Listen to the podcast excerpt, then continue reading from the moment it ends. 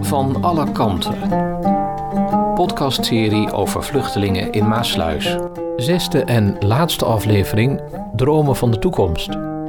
Wat zijn de toekomstdromen van vluchtelingen die in Maasluis belanden? Daarover vertellen Saad, Ineke, Mohammed, Mina en Rani. Tot slot hoor je José Nava. Hij is van Unilever. Wat deze wereldwijd opererende onderneming te maken heeft met het onderwerp van deze podcastaflevering, hoor je straks. Ik ben Sadal Kassoum. Ik ben 31, ik kom uit Syrië. Ik woon hier in Nederland sinds anderhalf jaar. Ik ben oorspronkelijk basisschoolleraar. Daarom wil ik hier als uh, basisschoolleraar werken. Dat is altijd mijn droom geweest. Leraar voor basisschool. In het begin vind ik de onderwijs als onderwijs helemaal niet leuk. En ik wilde niet doorgaan. Maar toen ik voor de eerste keer voor de klas uh, stond, vind ik erg leuk met de kinderen om te werken. Daarom, nu heb ik echt een uh, basis voor dit werk. Nou, mijn naam is Mina. En ik ben zelf een vluchteling geweest. ik ben Koerd uit Syrië. Ik heb hier gestudeerd en ik werk momenteel bij COA als woonbegeleider. En daarnaast ondersteun ik in Maasluis voor de statushouders. En daarbij doe ik meer in de richting van activiteiten. De reden van vluchten is eigenlijk omdat mijn ouders een betere toekomst voor de kinderen wilden. Ik was ongeveer 11 jaar toen ik vluchtte. Er brak natuurlijk oorlog en het begon eigenlijk al sinds 2010, beetje bij beetje. En het werd alleen maar vaarlijker en onveilig voor ons. En vooral omdat we natuurlijk Koerden zijn ook. Dus dan zit je dubbel tussen de oorlog uh, van Syrië en zelf als Koerd. Toen hebben mijn ouders besloten om toch te vluchten naar een veiliger land voor betere toekomst. Omdat wij natuurlijk nog jong waren. En uh, voor de vrijheid die wij op een goede manier kunnen gebruiken. Het was zeker een moeilijke vlucht. Vooral de tijd dat mijn vader niet aanwezig was bij ons. Uh, op het moment dat we hem wel nodig hadden. Want de vaderfiguur is voor veiligheid bij ons. En als hij vlucht voor ons en we zitten daar alleen. En uh, nog wel gevaarlijke plekken in Syrië. Wachten tot mijn vader de, de verzoeken mm -hmm. doet om. Dus de gezinshereniging. Op dat moment was dat heel erg uh, lastig. My name is Mohammed bin Tamam. Mijn naam is Mohammed bin Tamam. Ik ben 22 en kom uit een stad genaamd Hadramout. Ik verliet Jemen om de burgeroorlog en ging naar Hongarije. Daar haalde ik mijn bachelordiploma. En ik studeerde er af als chemisch ingenieur. Ik verbleef bijna vijf jaar in Hongarije. Daarna kwam ik naar Nederland. Ik was 17 toen ik Jemen verliet en werd een maand nadat ik Hongarije had bereikt 18 when I reached Hungary. Werken met kinderen, ik vind het leuk omdat de kinderen altijd eerlijk zijn. Je krijgt ook een band met kinderen. Ze, ze vertellen alles aan jou. Dus je wordt een soort van familie met kinderen. En de kinderen zien jou meer dan hun ouders. Dus dat, dat vind ik altijd leuk. Toegegeven, hij heeft er gevoel voor, maar dan nog is het heel knap hoe snel en goed Saad Nederlands leerde. Inmiddels tolkt hij ook voor andere vluchtelingen die onvoldoende Engels kunnen en de Nederlandse taal nog niet machtig zijn. Vorig jaar won hij trouwens de Taalheldenprijs in Maasluis. Net als in Syrië zou Saad hier graag als leerkracht aan de slag gaan. In het volgende fragment vertelt hij over het verschil tussen Syrische en Nederlandse kinderen. Ja, er zit een heel groot verschil. En leuk om dat verschil te zien, eigenlijk dat, dat komt ook door opvoeding. Want uh, in Syrië voeden mensen hun kinderen op. Uh, als de ouders spreken de kinderen aan, dan moeten de kinderen aan de vloer kijken. Maar hier moet als iemand uh, je aanspreekt, moet je aan hem kijken. het is niet beleefd als je aan de vloer kijkt. Maar daar, daar is het echt andersom, precies andersom. Ja, en om dit verschil te zien, dat vind ik altijd leuk. Ik ben Ineke van Waalwijk van Doorn. Woon op uh, Zuidput 5, mijn sluis, de Karproeven. En wij hebben hier een uh, manege-recreatiebedrijf. Uh, hoe kijk ik tegen vluchtelingen aan? Niet heel positief. En dat is denk ik wel gedeeld door de media. Wat je hoort over de mensen en wat je ziet, wat je leest. Eigenlijk nooit echt in contact geweest met een vluchteling. Dus ik, eigenlijk had ik een oordeel over iets wat ik eigenlijk nergens op kon bevestigen als alleen maar horen en zien. Ja, langzaam, doordat je met iemand in contact gekomen bent als vluchteling en er meer bent voor open gaan staan, ben je er ook anders naar gaan kijken. Nou, en uh, ik zag een negatief beeld voor me. In, uh, en dat kwam denk ik voornamelijk door de. Ja, hoe ga ik dat nou eens even vertellen? Netjes, zeg maar. Televisieprogramma's waar geweld in voorkomt, politie gebeuren.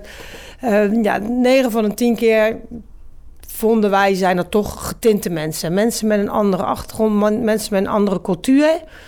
En nou ja, ik denk ook wel dat de cultuur daar een heel groot part in speelt. En ja, ik, ik denk dat daar de meeste verhalen vandaan kwamen die ik opgeslagen heb en daar mijn mening over gevormd heb. Toen kwamen de vluchtelingen naar Nederland. Werd ik er nog niet positiever van. Want als je dan de verhalen hoort hoe de mensen hierheen komen, dan denk ik vanaf Syrië naar Nederland is echt een lange weg. Als je werkelijk voor de oorlog vlucht of voor het geweld vlucht, waarom stop je dan niet in het eerste de beste land wat je tegenkomt waar het veilig is en ga je door naar Nederland? Ik denk dat dat plus dat we hier vind ik en dat vind ik nog steeds. We hebben gewoon een klein land. Nederland is een klein land. We zijn heel dicht bevolkt. De mensen zijn heel geprikkeld. De culturen van de immigranten zijn altijd anders. Past vaak niet. Ruzies die er ontstaan, geweld die er ontstaan, wat voor hun misschien normaler is als voor ons.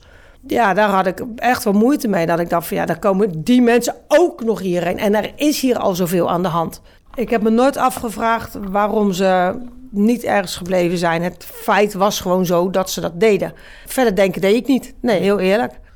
I visited Netherlands like a year ago and ik bezocht Nederland ongeveer een jaar geleden. En het land beviel me gelijk. Ik dacht, hier is het beter dan in Hongarije. Om verschillende redenen. Zo zijn mensen hier gastvrijer. uh, En ik vind het gewoon een leuk land. In Hongarije zijn de mensen racistischer. Laat ik het zo zeggen, ze houden niet van mensen met een andere cultuur. Dat is wat me opviel tijdens mijn studie. Ik voelde me geen deel uitmaken van die maatschappij, ook al woonde ik er al vijf jaar. Dat is de hoofdreden waarom ik niet in Hongarije wilde blijven. Uh, why I did not want to live in Hungary. Je luistert naar Van alle kanten. Over vluchtelingen in Maasluis. Of het uh, moeilijk voor mij was om te integreren. Het was zeker moeilijk. Na al die jaren heb ik nog steeds moeite mee. Omdat ik eigenlijk al tussen een Koerdische en Arabische cultuur ben opgegroeid. En dan komt er een Nederlandse cultuur erbij. En dan kijk je wat, wat gemakkelijk voor je is. Je kan niet tussen drie culturen blijven leven of twee. Het, het, het, moeilijke was wel de taal, de uitspraak natuurlijk van bepaalde woorden. Sommige normen en waarden die heel anders zijn dan mijn eigen cultuur. Dat was wel op dat moment moeilijk. En nu nog steeds dat ik bepaalde dingen niet snap. Maar ik ga wel daarmee om, omdat ik natuurlijk niet in mijn land ben in een andere land nu. Ja. Naar mijn mening, wat wij in Syrië gewend zijn, of wat, wat ik persoonlijk gewend was, zijn bepaalde dingen. Je hebt grenzen. Je hebt bepaalde dingen dat je niet kan doen en ook echt duidelijk nee erop staat. Maar hier ben je wel meer vrij. En dan als je van een hele strenge land, van hele strenge regels naar hele vrije land komt met makkelijke regels en dat je eigen mening hebt, is dat heel lastig. Want of je bent dan helemaal los en dan ga je heel snel op een verkeerde pad uitkomen. Of je moet daartussen blijven. En uh, dan kom je natuurlijk weer thuis. Want thuis ben je anders dan dat je buiten bent. Als ik op mijn werk ben, dan klinkt misschien raar, maar dan voel ik me een Nederlander. Ja? Maar als ik thuis ben, voel ik me weer een Koerd. Je bent de hele tijd aan het schakelen. En op een gegeven moment heb je daar wel moeite mee. Om te kijken van, oké, okay, wat is nou het beste voor mij? Wat kan nog wel? Want bepaalde dingen zijn onlogisch thuis. Ja. Bij de opvoeding, bij de normen en waarden bij ons. Maar ik kan het niet meer veranderen. Nee. Ik ben zo opgevoed het respect bestaat al sowieso. Dat is dan denk ik niet dat het alleen maar bij cultuur hoort. Dat het echt in de mens en de opvoeding zelf. Maar de, de vrijheid van meningsuiting. Dat was al een beetje moeilijk voor mij. Want dan denk ik, oké, mag ik een mening hebben over de politiek bijvoorbeeld? Of kan ik een docent niet goed vinden bijvoorbeeld? Ja. Kan, kan ik mijn werkgever een beetje streng vinden? Of moet altijd alles goed zijn? Net als hoe wij in Syrië zijn gewend. Of uh, dat je niet over politiek mag praten. Of dat je dan over je docent niet mag praten, want dan word je gestraft. Want ik ben zelf ook als klein kind gestraft als je iets niet zelfs goed begreep van je docent. Dan geef je een, een, een beeld van ja, je docent is uh, niet te begrijpen of ze legt moeilijk uit en dan werd je geslagen. Dus uh, dat is het wat een beetje nog moeilijk is. Wij zijn er anders over gaan denken op het moment dat uh, Ahmed bij ons in beeld kwam.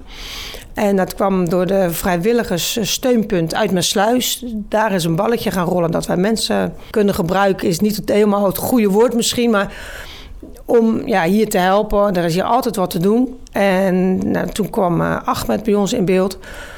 En dan ga je daarmee in gesprek en dan hoor je wat hij allemaal mee heeft gemaakt. En hij laat beelden zien en filmen zien. En als ik dan bedenk dat hij ongeveer net zo oud is als mijn oudste dochter. En als je dan de verhalen hoort wat hij mee heeft gemaakt, dan ja, ga je wel nadenken. En dan denk je, god, dat is toch wat als je in je eentje als tussen de 25 en 30-jarige persoon uh, van Syrië naar Nederland moet komen, niet wetend waar je uitkomt. Mijn dochter zit hier in een warm bad, zeg maar. Die, die, die kan binnenkomen, die heeft eten, die heeft drinken, die weet waar ze is, die weet wat ze gaat doen. Hij stapt op iets in, even over hem sprekend. Hij stapt op iets in en hij moet maar zien wat hem het gaat brengen. Nou, dan ga je wel nadenken. Jazeker. Ik bedoel, dat denk ik heel vaak. Wij hebben het hier voor mezelf spreken. Ik bedoel, wij werken echt wel keihard. Maar we hebben het ook heel goed. Gelukkig kunnen wij ons heel veel dingen zo bieden. En is dat mijn lot uit de loterij geweest dat ik op deze plek terechtgekomen ben, ooit. En daar ben ik ja, iedereen heel dankbaar voor. Al al is daar niemand, alleen maar ouders zijn erbij geweest, Selma. Maar ja, daar ben ik wel heel dankbaar voor. En dat je dan die veiligheid hebt, dat is natuurlijk geweldig. En als je in een land geboren wordt waar dan nu oorlog is en, en veel geweld is, ja, dan moet je daar ook maar mee dealen. En dan moet je daar ook wat van zien te maken. En dat is moeilijk. En als je dan een weg gaat kiezen naar het onbekende, heb ik daar respect voor. I'm in Maslaus uh, since end of April this year. Ik ben in Maasluis sinds eind april dit jaar. Ik word wakker om 9 uur, soms 10 uur. Uh, eet mijn ontbijt. Neem misschien een kop uh, koffie. Maybe have a cup of coffee. Then after that, Daarna volg ik een online cursus Nederlands. Afhankelijk van mijn stemming doe ik dat aan 1 of 2 uur. Depends on the mood. De rest van de dag heb ik een soort van vrij. Well, I have the rest of the day free kind of. So na het avondeten om 7 uur ga ik naar de sportschool voor een paar uur. Dan kom ik weer thuis op de boot en ga slapen. Dat is mijn dag zo'n beetje. Ik heb eigenlijk niks anders te doen dan naar de sportschool te gaan en Nederlands leren. Dat is waarom mijn dagen erg saai zijn. Ik kan niet wachten om het werken te beginnen. So that's why it's boring, you know. I can't wait to start working, you know.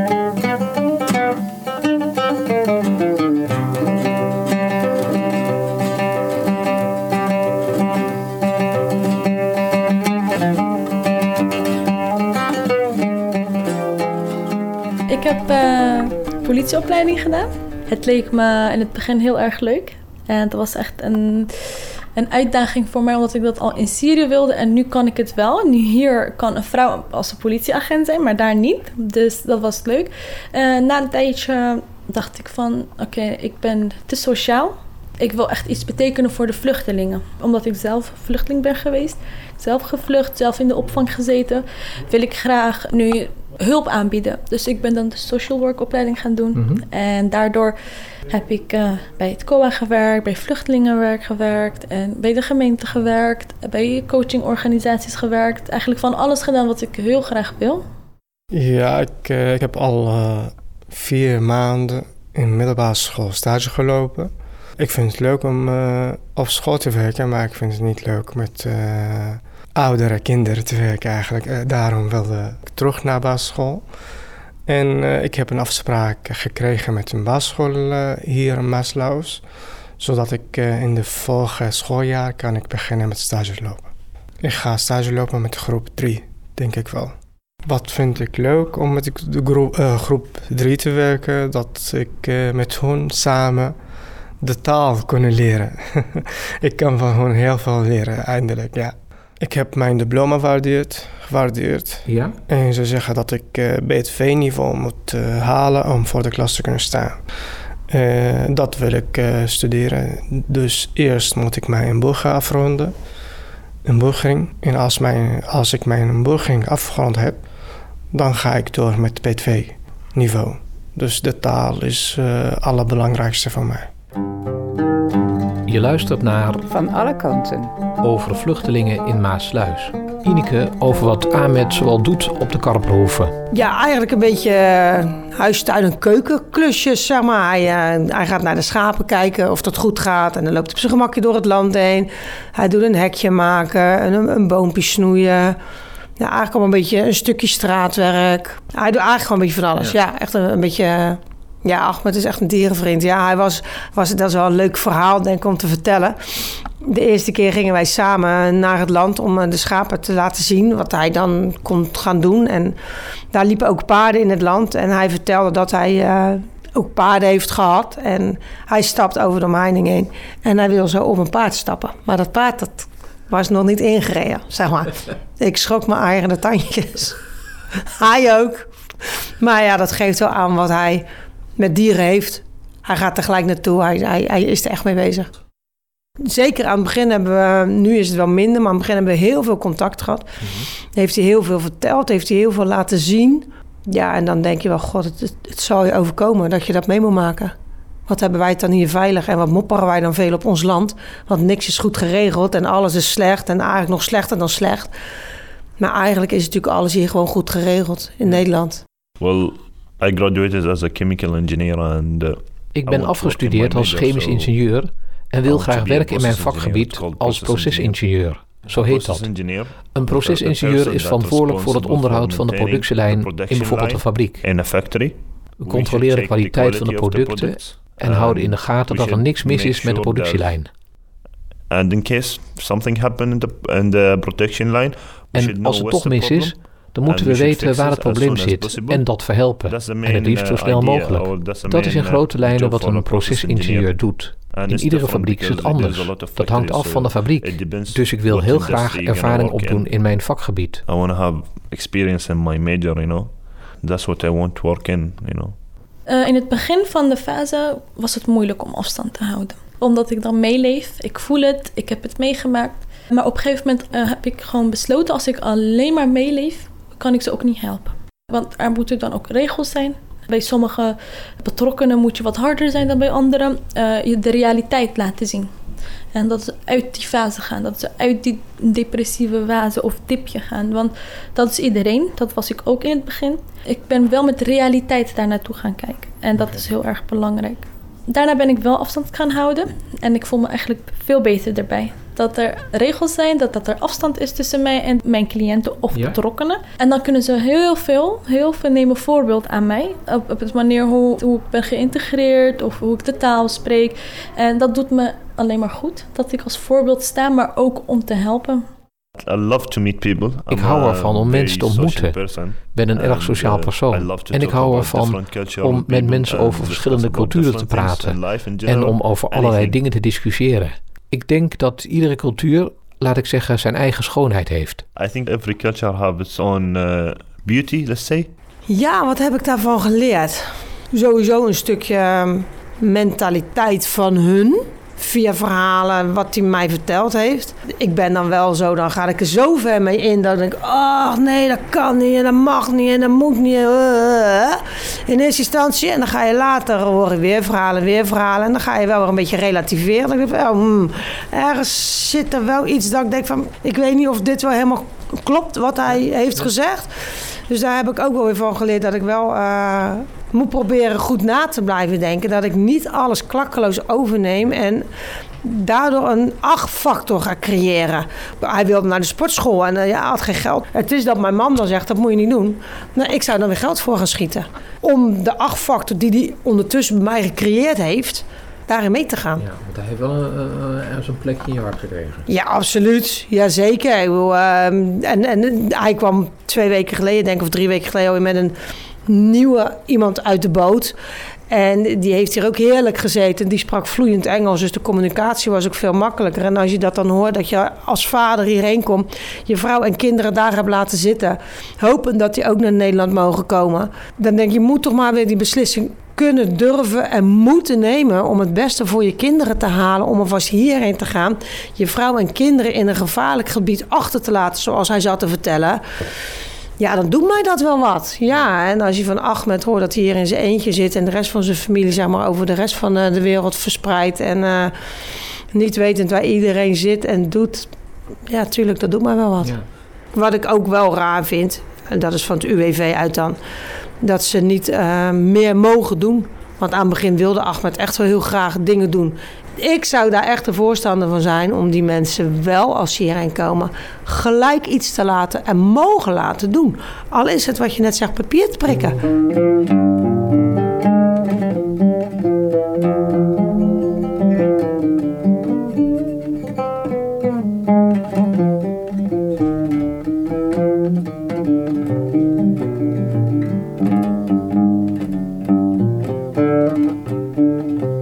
Saad heeft nog een droom. Ja, de droom van mij is dat ik mijn ouders weer kan zien. Ik zou het willen, maar dat is niet mogelijk. Ja, uh, eerst uh, ze leven ze, wonen ze in, in Idlib. Ja. En dit, is een stad, dit is een stad in Syrië. En Idlib uh, heeft geen contact met de andere wereld. Dus dat, dat, dat gaat niet. Ik heb zeker een droom. Mijn droom is om dus richting menselijke ontwikkeling te gaan omdat het natuurlijk heel anders is in mijn land geweest en hier ook. En dat heeft een grote beeld gegeven voor mij. Daarbij is eigenlijk de einddoel voor mij om de opvanglocaties te openen voor vluchtelingen. En dat is ook de reden eigenlijk dat ik heel vaak bij hulporganisaties ben. Bij uh, COA-organisaties heb gewerkt. En dat ik kijk van hoe de organisaties met elkaar omgaan, hoe ze de opvang doen. En uh, de positieve kant opnemen, de negatieve kant opnemen. Yeah, I mean, I have a dream, of course. Everyone have a dream. Ja, natuurlijk heb ik een droom. Iedereen heeft een droom. Mijn droom is dus om te gaan werken in mijn vakgebied. En in de toekomst, ik bedoel de verre toekomst, wil ik mijn eigen bedrijf beginnen. Ik denk dat het beter is om je eigen bedrijf te hebben. Dan ben je eigen baas en bepaal je zelf wat je wanneer doet. Ik denk dat dat beter is. You have your all time. You can do whatever you want anytime. And I think that's better. Natuurlijk wil ik ook trouwen. Niet nu, maar misschien over een paar jaar en een gezin stichten. Kinderen hebben in de toekomst is denk ik iets goeds. En het belangrijkste waarom we op aarde zijn. Althans, dat is uiteraard mijn mening. That's my opinion, of course. Je luistert naar Van alle kanten over vluchtelingen in Maasluis. I have a dream. For sure, everyone in this life has a dream. Ik heb een droom. Iedereen heeft een droom, zeker weten. Maar soms verandert je droom afhankelijk van je leeftijd of je situatie. Mijn droom is om mijn gezin hier te hebben. Ik heb ongeveer twee jaar mijn kinderen niet gezien en ik mis ze. I miss them. It's about two years not see my children, my family. Ik wil een leven leiden als ieder ander. Dat is mijn grootste droom. Dat ik mijn familie weer zie. Ik droom er soms van om met ze Maasluis in te gaan. Eerst gaan we naar de tompoeswinkel. En ik droom ervan ze voor te stellen aan de mensen die ik heb leren kennen. Uh, ik wil ze vertellen over mijn leven hier, hoe ik op het schip heb gewoond, wat dit is en dat is. Uh, en ik wil ze voorstellen aan alle Nederlandse vrienden die ik hier heb gemaakt. Dus dat is mijn droom. And introduce them to all the friends, Dutch friends which I have it here. So This is my dream now. Ik wil heel graag iets betekenen voor de vluchtelingen, omdat ik altijd het gevoel heb dat het nog steeds beter kan en anders kan. Jij zelf als vluchteling, dan weet je wat de pijn is en wat de gewilde activiteiten, objecten, onderwerpen zijn van de vluchtelingen. Dus dat is mijn droom om dat te bereiken, om te laten zien heel veel familieleden die ook tegen waren om dus te vluchten. Want er is een eer altijd. Er speelt een, een, het onderwerp eer in Syrië dat als je gaat, vooral omdat je een vrouw bent, dat je dan de verkeerde pad gaat vinden. En tot nu toe heb, heb ik samen met mijn zussen alleen maar goede dingen gedaan waar mijn vader heel erg trots op is. En iedereen is gestudeerd, iedereen werkt, iedereen um, is ook bekend met goede redenen in eigen stad, bij eigen gemeente. De naam komt positief voor.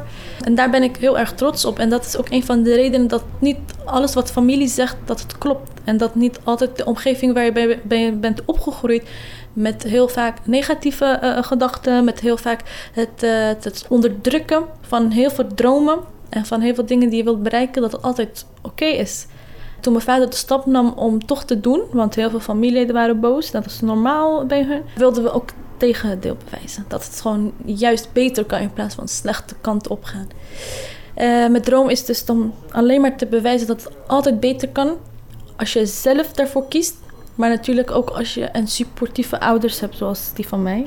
Wat zou ik uh, heel graag willen eigenlijk uh, naast mijn werk, naast dat ik als basisschoolleraar kan worden, wil ik ook een kleine familie maken.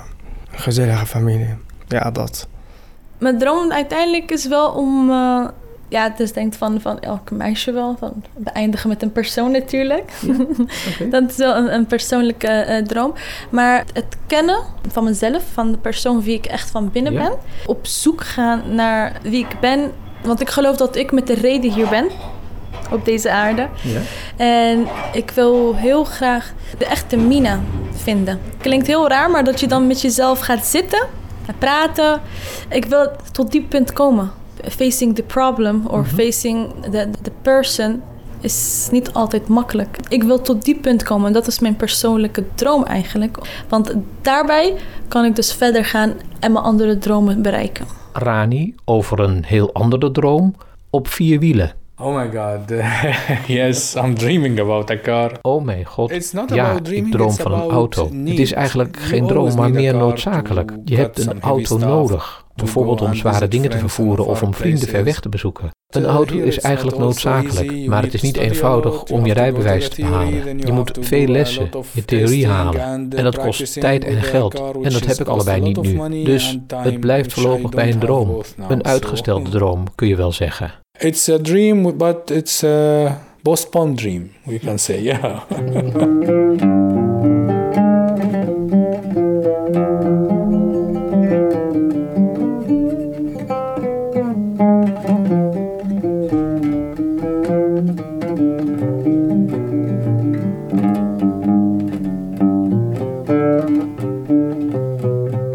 Eerder in Van Alle Kanten hoorde je Rani vertellen over zijn ervaringen met de procedure. Die opname werd alweer enige tijd geleden gemaakt. Inmiddels is er veel veranderd. I got my residence. I uh, got my home. Ik heb een woonplaats toegewezen gekregen, een woning en werk bij een multinational. Uh, dus mijn leven is nu beter. I can say yes. Uh, I'm happy 90% because I don't have elevator in the house. ik kan zeggen dat ik voor 90% gelukkig ben, want ik heb geen lift en ik woon op de vierde etage. Het is een fijne, rustige buurt en de winkels zijn dichtbij. Ook heb ik aardige buren. Ik heb geluk gehad, ben een gelukkig mens kan ik zeggen, omdat ik een huis heb. Uh, I get a house which maybe a lot of people who's dreaming to have it. Want ik weet dat er mensen zijn die ook van een eigen woning dromen. Dus ik mag zeker niet klagen. Misschien dat ik in de toekomst nog eens verhuis. Maar voor mij is dat nu een grote stap. Maar ik heb nog altijd problemen met de IND. Dit keer ben ik vastgelopen op het onderwerp gezinshereniging. Wat inhoudt dat ik nog steeds moet wachten, wachten, wachten. Which is exceed the time and uh, still waiting, waiting, waiting. Gezinshereniging is dus nog niet geregeld. Werk wel. Zoals Rani vertelde, werkt hij inmiddels bij Unilever in de Maastad. Reden voor van alle kanten daar langs te gaan voor een gesprek met José Nava. I am 39. I'm originally from the Philippines. José uh, Nava. Ik ben 39, kom um, oorspronkelijk uit de Filipijnen en woon nu 11 jaar in Nederland. Ik werk bij Unilever waar ik verantwoordelijk ben voor gelijkheid, diversiteit en inclusie voor Nederland. Bij Unilever Nederland werken meer dan duizend werknemers niet afkomstig uit Nederland. So Unilever is a global organization operating in around 100 countries globally. Het gaat om 70 verschillende nationaliteiten. Unilever is actief in meer dan 100 landen. For the big dream, I'm really planning to have a nice job. I take my first step. Mijn grote droom is het hebben van een echte fijne baan. Ik heb mijn eerste stappen in die richting al gezet en werk nu bij Unilever in Rotterdam. Ik hoop op een vast contract. Zo niet is het een mooie stap in mijn carrière op zoek naar ander werk. Het is in ieder geval een mooie werkervaring om op je cv te kunnen zetten. Maar voorlopig wil ik hier trouwens graag blijven werken. En verder wil ik helemaal Nederlander worden en mijn eigen maken hoe alles hier werkt en wat hier de regels zijn. Dat wil ik ook mijn kinderen bijbrengen, zoals hoe te fietsen of om te gaan met de natuur. En ik zal s morgens het ontbijt voor mijn kinderen klaarmaken. Ik hou van deze manier van leven. Het is, kan je zeggen, mijn kleine droom. Prepare their bread on the, uh, in the morning. So I like this uh, way of living. So this is my, uh, we can say, small dream. Je luistert naar Van alle kanten. Over vluchtelingen in Maasluis. So, from a talent perspective, uh, Dus gezien vanuit het perspectief van talent en ook het feit dat we een mondiaal bedrijf zijn, is het logisch dat we de rijkdom aan um, divers talent benutten, te meer we een bedrijf zijn dat producten verkoopt en we altijd moeten vernieuwen. Om te scoren op verkoopgebied denk ik dat we allemaal weten, en onderzoek toont dat ook aan, dat diversiteit aan talent een verschil maakt als het gaat om vernieuwing en bedrijfsprestaties. Dus ik denk in reactie op je vraag over grenzen in relatie tot companies bereikbaarheid van talenten, dat het voor bedrijven makkelijker zou zijn als er geen grenzen en andere barrières waren, zodat we toegang zouden hebben tot een grote vijver aan talenten. So for Unilever in the Netherlands, we do have Bij Unilever werken mensen aan lokale producten en aan merken die wereldwijd worden verkocht. Dus voor ons als organisatie is het zinvol als mensen die aan mondiale producten werken deel uitmaken van teams die diverser zijn, omdat zij de grootste markt wereldwijd vertegenwoordigen. Voor Unilever is het typerend dat je werkt in het land waar je woont. Maar het is uiteraard niet zo dat je alleen um, maar does carrière kan maken in je eigen land. Er zijn ook mogelijkheden om naar het buitenland te gaan, afhankelijk van welke functie er beschikbaar is, maar ook welke vaardigheden gevraagd worden. Dus er is wereldwijd mobiliteit van talent binnen onze organisatie. So there is global talent mobility within the organization. So for status holders, we don't actually track the number of people who work for us that are status holders. Wat statushouders betreft houden we niet bij hoeveel er bij ons werken. Dat speelt geen rol als we sollicitanten screenen. We concentreren ons op de vaardigheden en ervaringen die sollicitanten hebben. Wat ik wel kan zeggen is dat we 10 Europe, bewust samenwerken met organisaties die talentvolle vluchtelingen en statushouders ondersteunen bij het opdoen van hun eerste werkervaring in Nederland. Netherlands. So we Die bieden we dan aan trainee bij ons te worden, zodat ze kunnen ervaren wat werken in Nederland, waar ze misschien onbekend mee zijn, work inhoud. happens in the En ze worden ondersteund, getraind en kritisch gevolgd. and to get support and training and mentoring.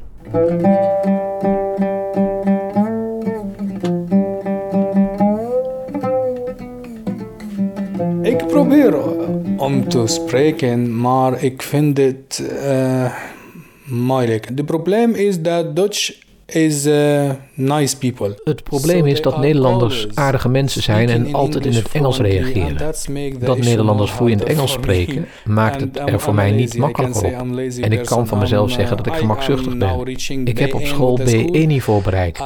Kan Nederlands schrijven op een goede manier, grammaticale issues oplossen, lezen, maar ik heb niet de moed. But I don't have the courage. Ik durf niet om te spreken. So when it comes to being able to speak Dutch or dus als het gaat om Nederlands te kunnen spreken, al dan niet vloeiend, zullen er zeker banen zijn waarvoor absoluut vloeiend Nederlands vereist is om de baan goed te kunnen uitoefenen. Bijvoorbeeld als je in de verkoop werkt. However, not all jobs would require Dutch fluency. Maar niet voor alle banen is beheersing van de Nederlandse taal noodzakelijk. Dus is het soms mogelijk om een baan te hebben zonder een woord Nederlands te kunnen spreken. However, if you also look at work Echter, als je kijkt naar werk en hoe dat deel uitmaakt van het proces wat statushouders doorlopen als ze beginnen met socialiseren en integreren in een nieuw land waar ze zijn, it does definitely help to start learning the local language. Helpt het uiteraard zeker als ze ook beginnen met het leren van de lokale taal. Dit was Van alle kanten door Krit Wilshuis, tekstinzicht audio. Muziek Wiam Arbash. Adviezen Peter den Boer, Patricia van Lingen en Frank Wetters. Met dank aan Gemeente Maasluis.